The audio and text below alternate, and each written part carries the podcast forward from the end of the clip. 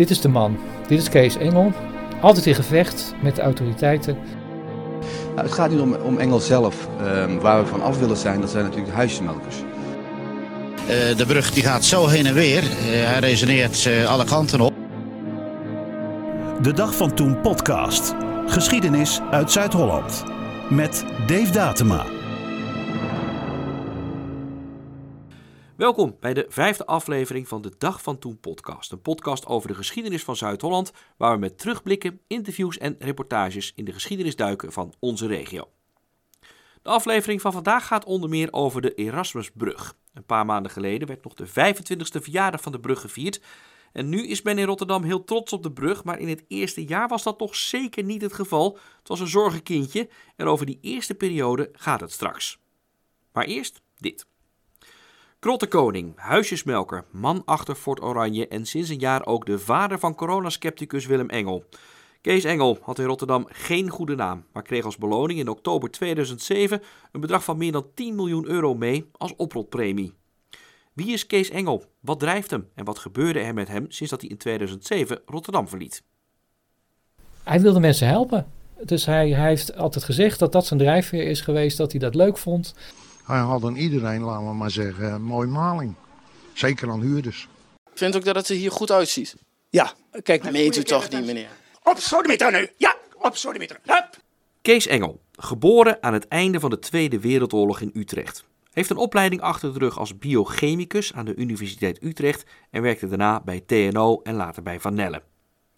Op jonge leeftijd kocht hij het huis van zijn hospita in Rotterdam en dat smaakt naar meer. Rond zijn veertigste stapt hij uit het bedrijfsleven om zich volledig te richten op de vastgoedwereld. Hij koopt pand na pand na pand, vooral in Rotterdam-West. Halverwege de jaren 90 bezit hij meer dan 600 panden met meer dan 1000 huurders. Maar die panden zijn niet altijd in goede staat. En aan onderhoud doet hij ook niet zoveel. Dat zeggen voormalige huurders zoals deze man op TV Rijnmond. Nou, een lekkage van het dak, van de gevel. Op een gegeven moment heeft hij iets aan de gevel laten doen, omdat het, als het flink regende, regende het binnen net zo hard als buiten. En daar heeft hij toen iets aan laten doen. Maar verder, uh, ja, hij liet ze eigenlijk dus niet zeggen, ook niet door de gemeente. Hij ging gewoon zelf zijn eigen gang en uh, hij had aan iedereen, laten we maar zeggen, een mooie maling. Zeker aan huurders. Ook worden de panden van Engel in verband gebracht met criminele zaken. Er zouden wietplantages aangetroffen zijn en andere woningen worden verhuurd aan bekende dealers en illegalen. Engel stelt nu eenmaal geen lastige vragen en dus komt die groep bij hem uit. Engel wordt toch verantwoordelijk gehouden voor alle misdrijven en komt voor de rechter. Hij gaat negen maanden de cel in. Maar zelfs een celstraf verandert weinig aan de zaak en de gemeente Rotterdam blijft met Kees Engel in de maag zitten.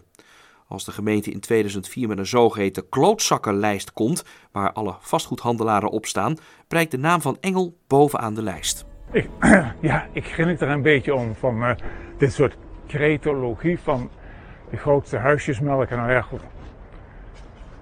Ik denk dat de gemeente een, van de, een veel grotere huisjesmelker is. Van maar er wordt gezegd, hier, u daar vraagt hoge huren, u onderhoudt de bon niet. Ik sta iedere dag, destijds stond ik zelf in, aan het werk.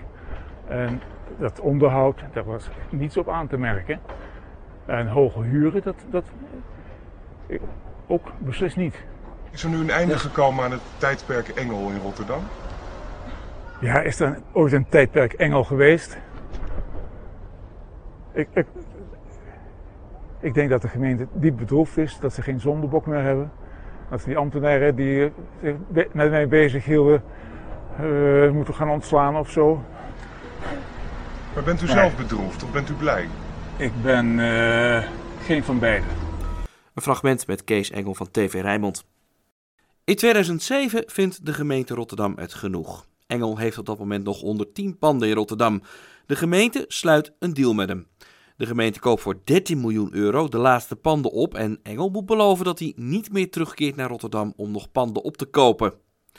Het is volgens toenmalig wethouder Karkoes de enige oplossing. Nou, het gaat niet om, om Engel zelf. Um, waar we van af willen zijn, dat zijn natuurlijk de huisjesmelkers. Wij willen gewoon vloedering in die wijk aanpakken. Nou, daar zijn we heel serieus mee bezig. En uh, onderdeel daarvan is gewoon goed en strak aanpakken van huisjesmelkers. Volgens de wethouder had een juridisch proces om Engel uit de panden te krijgen vele jaren en ook vele euro's gekost. Deze oplossing was sneller en waarschijnlijk ook goedkoper. Van het geld koopt zoon Jan Engel overigens 50 prostitutieramen in Hamburg, maar dat is weer een ander verhaal. Het geld van Engel komt in zijn BV's terecht. Gaat hij daarmee een rijke oude dag tegemoet? Nee. De bedrijven van Engel worden in 2013, dus zes jaar later, failliet verklaard. Dat faillissement werd aangevraagd door de Belastingdienst. Volgens Engel hadden nog veel mensen geld van hem te goed. En ook de Belastingdienst klopte al snel aan voor een miljoenenbedrag en dat bedrag werd volgens Engel hoger en hoger. Engel woont op dat moment in België. Hij had na het faillissement nog één iets over. Fort Oranje, een camping niet ver bij Breda vandaan. Maar ook daar gaat het niet lekker. Er wordt gesproken over criminaliteit, overlast, prostitutie, wietteelt. En dus wil de gemeente Zundert dat Fort Oranje sluit. Maar volgens Engel is er niks aan de hand. Het gaat niet zo goed hier op de camping. Het gaat op het ogenblik juist uitstekend. Zolang de overheid zich er maar niet mee bemoeit, zal het ook uitstekend blijven gaan. Want wat doet de burgemeester dan mis in jullie oren? Zich ermee te bemoeien. Ik zeg... Het, het zou veel criminaliteit hier zijn. Er, is criminaliteit. Er is hier helemaal geen criminaliteit. Vindt ook dat het er hier goed uitziet? Ja. Je, kijk, naar Meent u toch niet, meneer? Als ik nou... Op sodemieter nu! Ja, op sodemieter. Hup! Ja, we gaan, weg, we gaan weg. We gaan weg. We gaan weg. Een fragment van Poont een paar jaar geleden. In 2017 neemt de gemeente Zundert het beheer van de camping over en een jaar later gaat hij dicht. Dat de naam Engel nu nog in de publiciteit komt, is vooral aan zijn zoon Willem Engel te danken. De Rotterdamse dansleraar ontpopte zich vorig jaar tot het gezicht van de beweging tegen de coronamaatregelen. Paul Verspeek van Rijmond maakte vorig jaar een documentaire over Willem Engel en sprak dus ook met vader Kees Engel over zijn zoon. Verspeek was ook bij Engel thuis in België.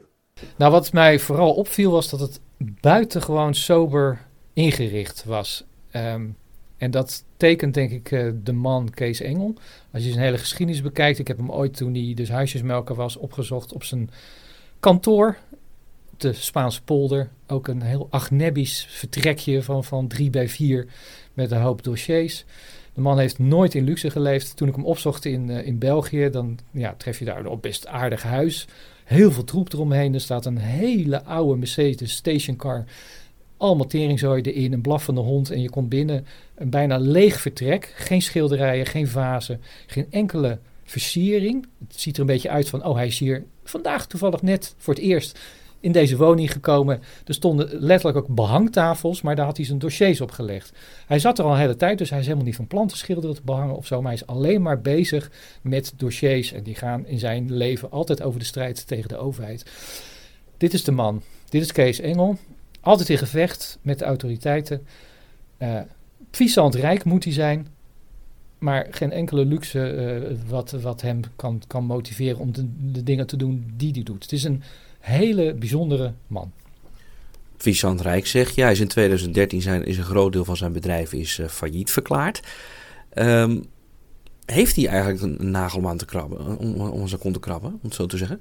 Volgens mij heeft hij nog wel geld. Hij heeft natuurlijk fors gekregen toen hij stopte als huisjesmelker. Want ze waren hem hier in Rotterdam uh, meer dan zat. Dus ze hebben gewoon gezegd, hier, zak geld, 13 miljoen wegwezen.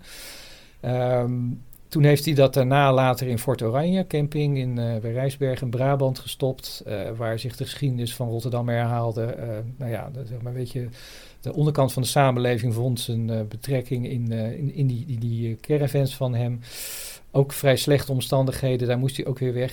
Ik weet natuurlijk niet, het zou best kunnen dat hij daar heel veel geld is kwijtgeraakt. Maar toen ik hem vroeg in België zittend, en dat huis, nou, dat, was niet heel klein, dus dat kost wel wat. Of hij bereid was zijn zoon Willem Engel eventueel te betalen. Oh ja, daar was hij wel toe bereid. Dus ik denk nog wel dat hij wel wat geld heeft liggen. Ik heb het hem niet rechtstreeks gevraagd.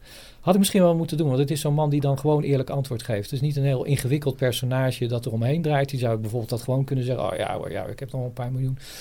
Ik durf het niet te zeggen, maar ik vermoed dat hij toch nog wel wat uh, liggende gelden heeft. Je zei van uh, zijn leven staat eigenlijk al uh, heel, heel zijn leven in het teken van een strijd tegen de overheid. Waar komt dat vandaan, denk je? Vind ik moeilijk om dat te achterhalen. Het is wel grappig dat die carrières van hem en zijn zoon deels parallel lopen. Allebei van die beta-jongens, natuurwetenschappen. Gestudeerd. Hij is biochemicus van huis uit en wordt dan huisjesmelker. Ja, hij heeft altijd gezegd, ik wilde die mensen helpen. Hè. Als je als vrouw met kinderen het huis uit was gezet door de man, dan kon je bij mij terecht. hij had heel veel, nou, wat we toen nog een beetje gastarbeiders noemden, of Antillianen die toen vrij massaal deze kant op kwamen, die konden allemaal bij hem terecht tegen nou, goedkope panden, lage tarieven. Onderhoud, dat was verder niet heel erg aan de orde als ik de klachten begrijp. Hij wilde mensen helpen. Dus hij, hij, heeft altijd gezegd dat dat zijn drijfveer is geweest, dat hij dat leuk vond. En dat dat precies hetzelfde was toen hij hier Fort Oranje in, in Brabant begon. Uh, dat hij daar allerlei uh, zielige en nooddruftigen aan een uh, woning kon helpen. ja, dat het dan ook wel ja, drugsverslaafd enzovoort werden en heel veel overlast gaf. Ja, dat was verder niet zijn pakje aan. daar kon hij ook niks aan doen. maar hij, hij wil mensen helpen. Dat, dat is het enige wat hij altijd heeft, heeft verklaard. Het is zeg ik er gelijk bij, het is, het is een apart figuur. Het is niet iemand waarmee je gezellig babbelt. Uh, toen ik in, in, in, zijn huis kwam, uh, en, en ik zit daar niet op te wachten hoor, maar het is vrij normaal als je bij iemand te gast bent en je komt uit Nederland in België, je zegt van heb je het kunnen vinden, wilt u wat drinken, gaat u zitten, koekje bij de koffie, bij wijze van spreken. Daar is bij Kees Engel, ik bedoel, hij vraagt niks, hij zegt niks, je gaat gewoon zelf zitten.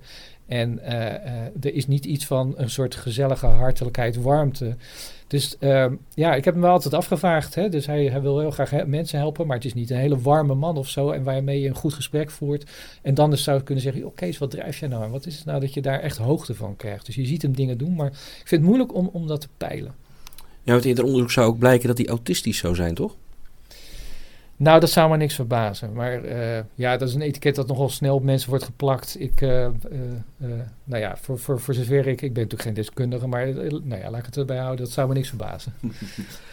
hij gaat er dus wel nog steeds altijd vanuit dat hij het goede doet. Ook al zijn er veel mensen die kritiek hebben op zijn handelen. Ja, dat, dat vond hij destijds in Rotterdam. Dat vindt hij nog steeds. Want die dossiers op die behangtafel waar ik het over had, dat gaat allemaal over Fort Oranje. Hij is er van 100% van overtuigd hier horen we zijn zoon, dat hij die rechtszaken, hier horen we zijn zoon, die, die, eh, met de lawine die er nog aankomt, dat hij die allemaal gaat winnen. Dus hij zal uiteindelijk gelijk krijgen uh, dat ze hem Fort Oranje hebben afgenomen, uh, de gemeente, hem daar weggestuurd hebben, de camping gesloten. Dat wordt allemaal teruggedraaid. En nou, of hij krijgt het terug, of hij krijgt gewoon een hele smak geld. Um, hij is altijd van overtuigd dat hij aan de goede kant van de streep staat. En dat, ja, dat, dat de autoriteiten tegen hem zijn. Daar zie je ook wel een beetje het complotdenken wat bij Willem ook terug te vinden is. Van de overheid speelt een spel, die, die zijn bewust tegen jou. Um, uh, maar ja, het optimisme, dat is, uh, ja, dat, is, dat is onverzadigbaar, zou je kunnen zeggen, bij beiden. Mm. Hij is inmiddels een beetje naar de achtergrond gedwongen. Ja, hij heeft bijna niks meer. Gaan we hem ooit nog terugzien, denk je? Ik denk niet dat we hem terug gaan zien in Rotterdam. Uh, hij wil ook eigenlijk weg uit Nederland. Zoals hij ook letterlijk zei. Ik belde hem eerst op. Van kan ik een keer langskomen? ja, dat kan. Ik zit tegenwoordig in België. Zo, zo'n beetje grappende wijze. Gevlucht, ja, inderdaad. Ik ben gevlucht voor, uh, voor, de, de, Nederlandse autoriteiten. Dus ik denk dat hij daar blijft. Ja, god, de man is ook al uh, over de 70. Uh, ik denk dat zijn hele strijd vooral blijft richten op Fort Oranje. Dus dat hij, uh, hij heeft nog een andere zoon die, die, die ook hem daarbij steunt. Die vooral samen dat, dat Fort Oranje bij, met hem heeft gerund. En de advocaat van zijn zoon, van Willem, Willem Jeroen Pols, staat hem ook bij in de zaak Fort Oranje. Dus ik denk dat hij wel heel erg zijn dagen vult met alleen maar stukken lezen, juridische procedures. Uh, vanuit die lege woning in, in, in, in België. Dus af en toe zal er een rechtszaak zijn. Maar ik kan me niet voorstellen dat hij zich hier weer gaat manifesteren. Ik heb het wel gedacht van, komt hij misschien nog een keer terug? Of gaat hij zich aansluiten bij zijn zoon? Ik denk het niet. Ik denk dat, dat we uh, wat dat betreft niet heel veel meer van hem gaan horen. Een uitgebreid verhaal over Kees Engel en hoe die werd uitgekocht in Rotterdam vindt u op onze website. Uit de oude doos. In de rubriek Uit de oude doos duiken we altijd in het archief om te kijken of daar nog iets leuks, spannends of opmerkelijks is te vinden. We gaan naar het Polygoonjournaal van 20 december 1958 voor Topsport uit Rotterdam. Vol enthousiasme renden een aantal Rotterdamse jongens het park aan de Westzeedijk binnen. Het waren de deelnemers aan de zeepkistenrace om de Grand Prix van de Van Spijkstraat. Hun zelfgemaakte wagens vertegenwoordigden alle wereldmerken. Goed geëquipeerd en onder grote belangstelling van het publiek gingen de eerste twee coureurs van start. Het parcours bestond uit een vervaarlijke helling met vele hardspelbochten, waarlangs de autorenners zich in hoog tempo naar beneden lieten glijden. Twee aan twee starten achter elkaar 20 deelnemers. Met een vaart van wel 10 km per uur stoven ze langs de toeschouwers. Een kleine misrekening in de snelheid had grote gevolgen voor zeepkist nummer 13, die zijn startnummer alle eer aandeed met een slippertje. Dat echter wonderwel afliep, dankzij de snelle hulp van enige ervaren mechaniciens die de mankementen in korte tijd verhielpen. Uit het veld wisten zich tenslotte de nummers 6 en 12 als finalisten te kwalificeren.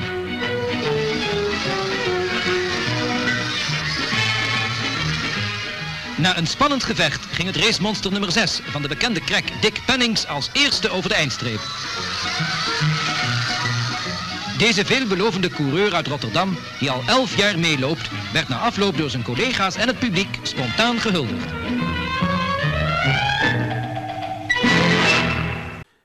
Beelden vindt u terug op de website dagvantoen.nl. Mocht u nou zelf ook geïnteresseerd zijn in dit soort beelden, op openbeelden.nl staan tal van dit soort oude beelden netjes gerangschikt. Historische verhalen uit heel Zuid-Holland. Van de Bollenstreek tot aan Rotterdam. En van Den Haag tot aan Gorkum. www.dagvantoen.nl Oh, wat waren ze trots in Rotterdam op hun Erasmusbrug. Verbindingstuk van noord naar zuid, aanvulling op de skyline van de stad. Fantastisch. Maar zoals wel vaker bij grote projecten ontstonden er kinderziektes. En dat waren er nogal wat. Uit het archief van Radio Rijnmond. De slagbomen van de Erasmusbrug in Rotterdam hebben vandaag voor de derde keer in twee dagen voor flinke opstoppingen gezorgd. Door een storing konden de slagbomen niet omhoog, waardoor het verkeer een uur lang op de brug moest blijven staan. We staan nu al uh, vanaf twee uur. Dus, en aangezien iedereen al een beetje aangeeft dat het eigenlijk niet uh, open gaat, gaan we toch maar terug. Ze willen dus inderdaad allemaal weg. Worden, mensen worden ook een beetje, een beetje agressief nu. Ja? De, de brug die zit niet in zijn vergrendeling. En er moet een eco erbij komen om de brug te overbruggen. Zodat de bomen open kunnen, want de bomen die gaan gewoon niet, uh, niet omhoog. Ik begrijp het ook niet helemaal. Als ze dan weten dat die brug een beetje problemen geeft met open en dichtgaan. Dat ze er niet gelijk iemand bij zetten die, die er wat mee kan doen.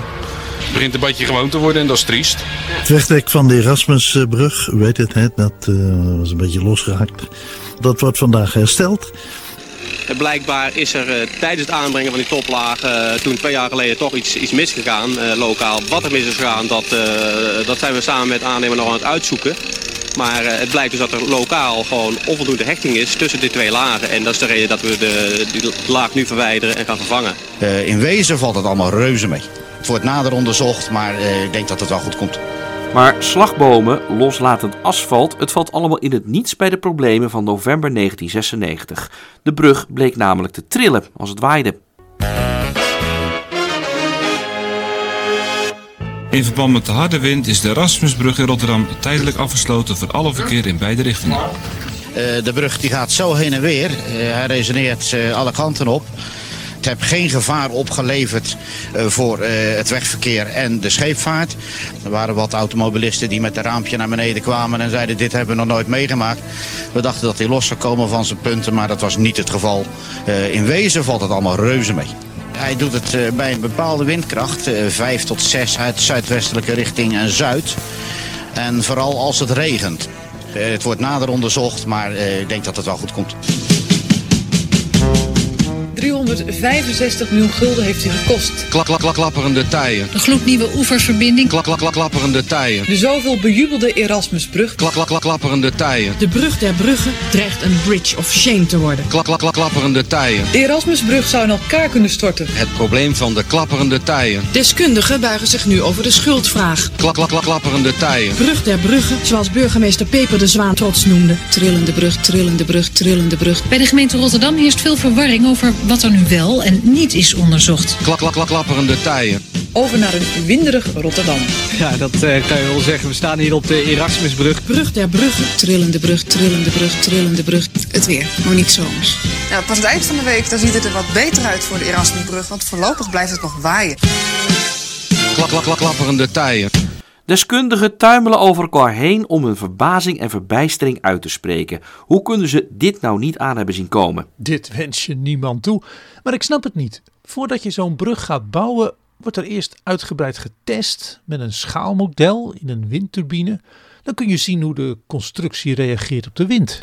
Zegt hoofddocent Dieterman van de TU Delft in Trouw. Het is natuurlijk niet normaal dat een splinternieuwe brug moet worden bijgesteld. Zegt Gerrit Hardenberg in Trouw. Hij hield eerder toezicht op de bouw van de Willemsbrug 20 jaar eerder in Rotterdam. Voor die brug lag er een noodplan in de kast voor het geval de tuien, de kabels die de brug dragen zouden gaan trillen.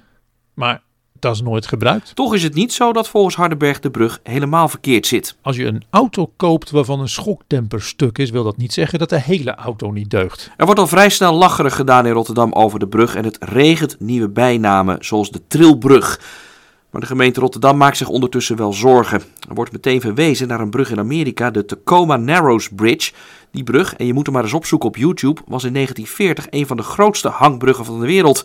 Maar bij wind begon die gigantisch te schommelen. These are some of the most amazing pictures ever recorded by a newsreel. The actual collapse of the world's third largest suspension bridge.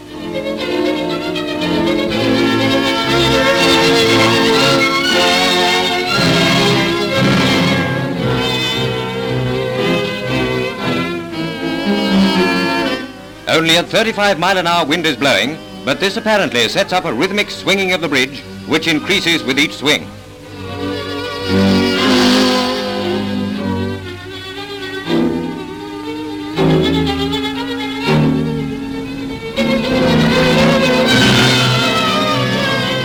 Finally, the swinging road and the suspension cables give way and plunge into the water below.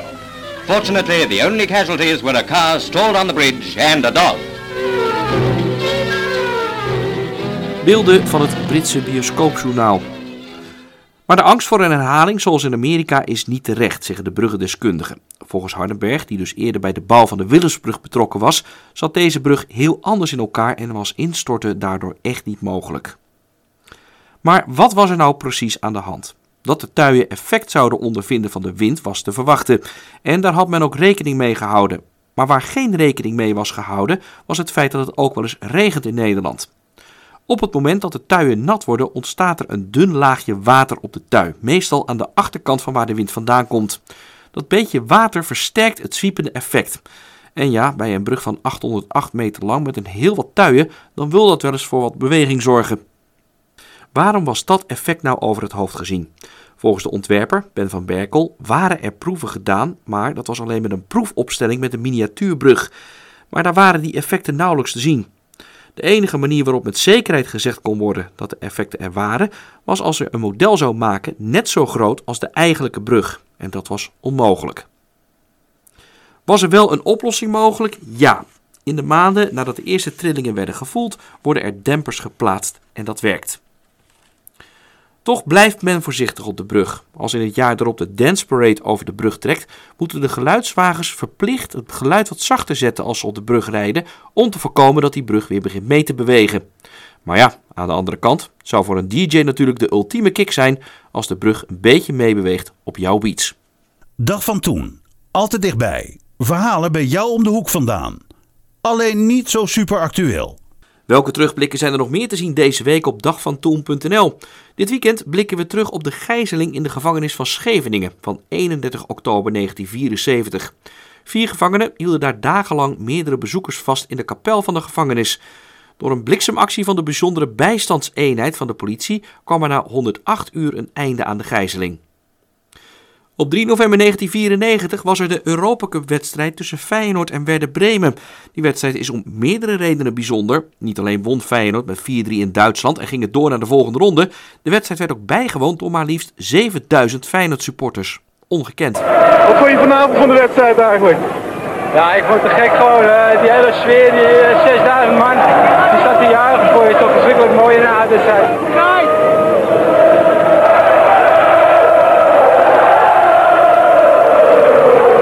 De Feyenoord-spelers waren bijna niet van het veld af te slaan. Ook de man van de drie doelpunten, Larsson niet. Ja, nee, het was gelukkig vandaag. Drie keer lucky. Ja, maar als ik, uh, ja, misschien nog één keer scoren in de tweede helft. Maar uh, ja, drie keer, ja, ik ben tevreden. Peter Bos op de schouders. Ik zie grote kerels om me heen, spelers van Feyenoord geëmotioneerd door wat hier gebeurt. Ja, maar dat had ik vooral voor de wedstrijd toen ik het veld opkwam. En moet je horen, dit is uniek. Ik denk dat je beter om kan draaien, dat is veel mooier dan.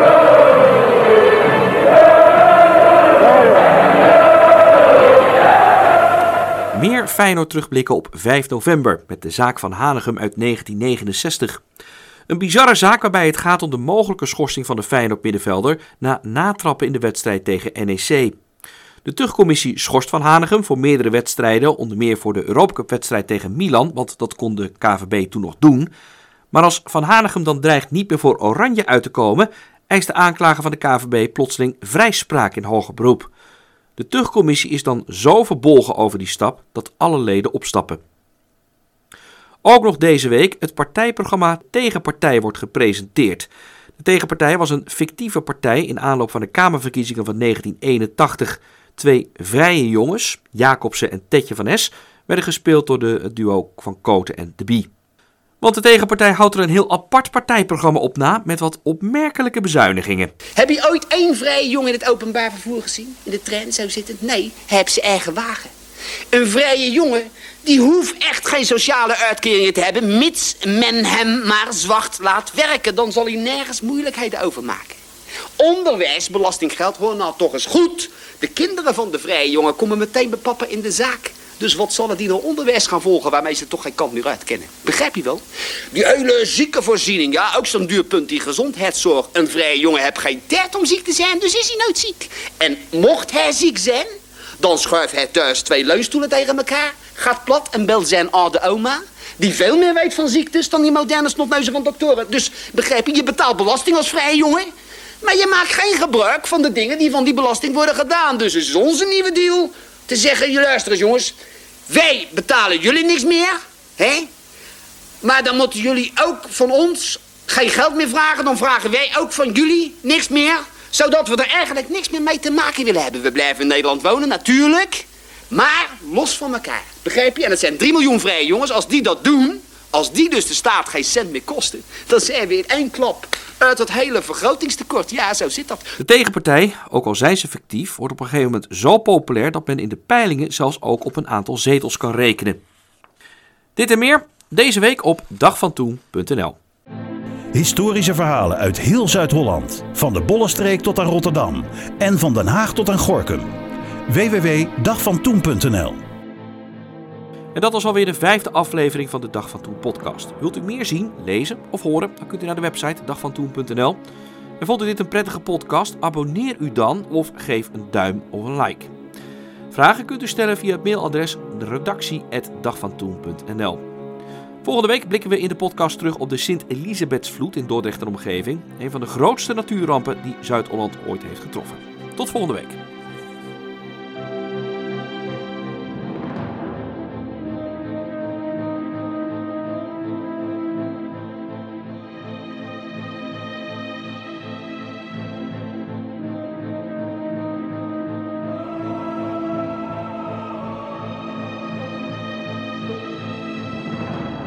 Dag van Toen podcast. Geschiedenis uit Zuid-Holland.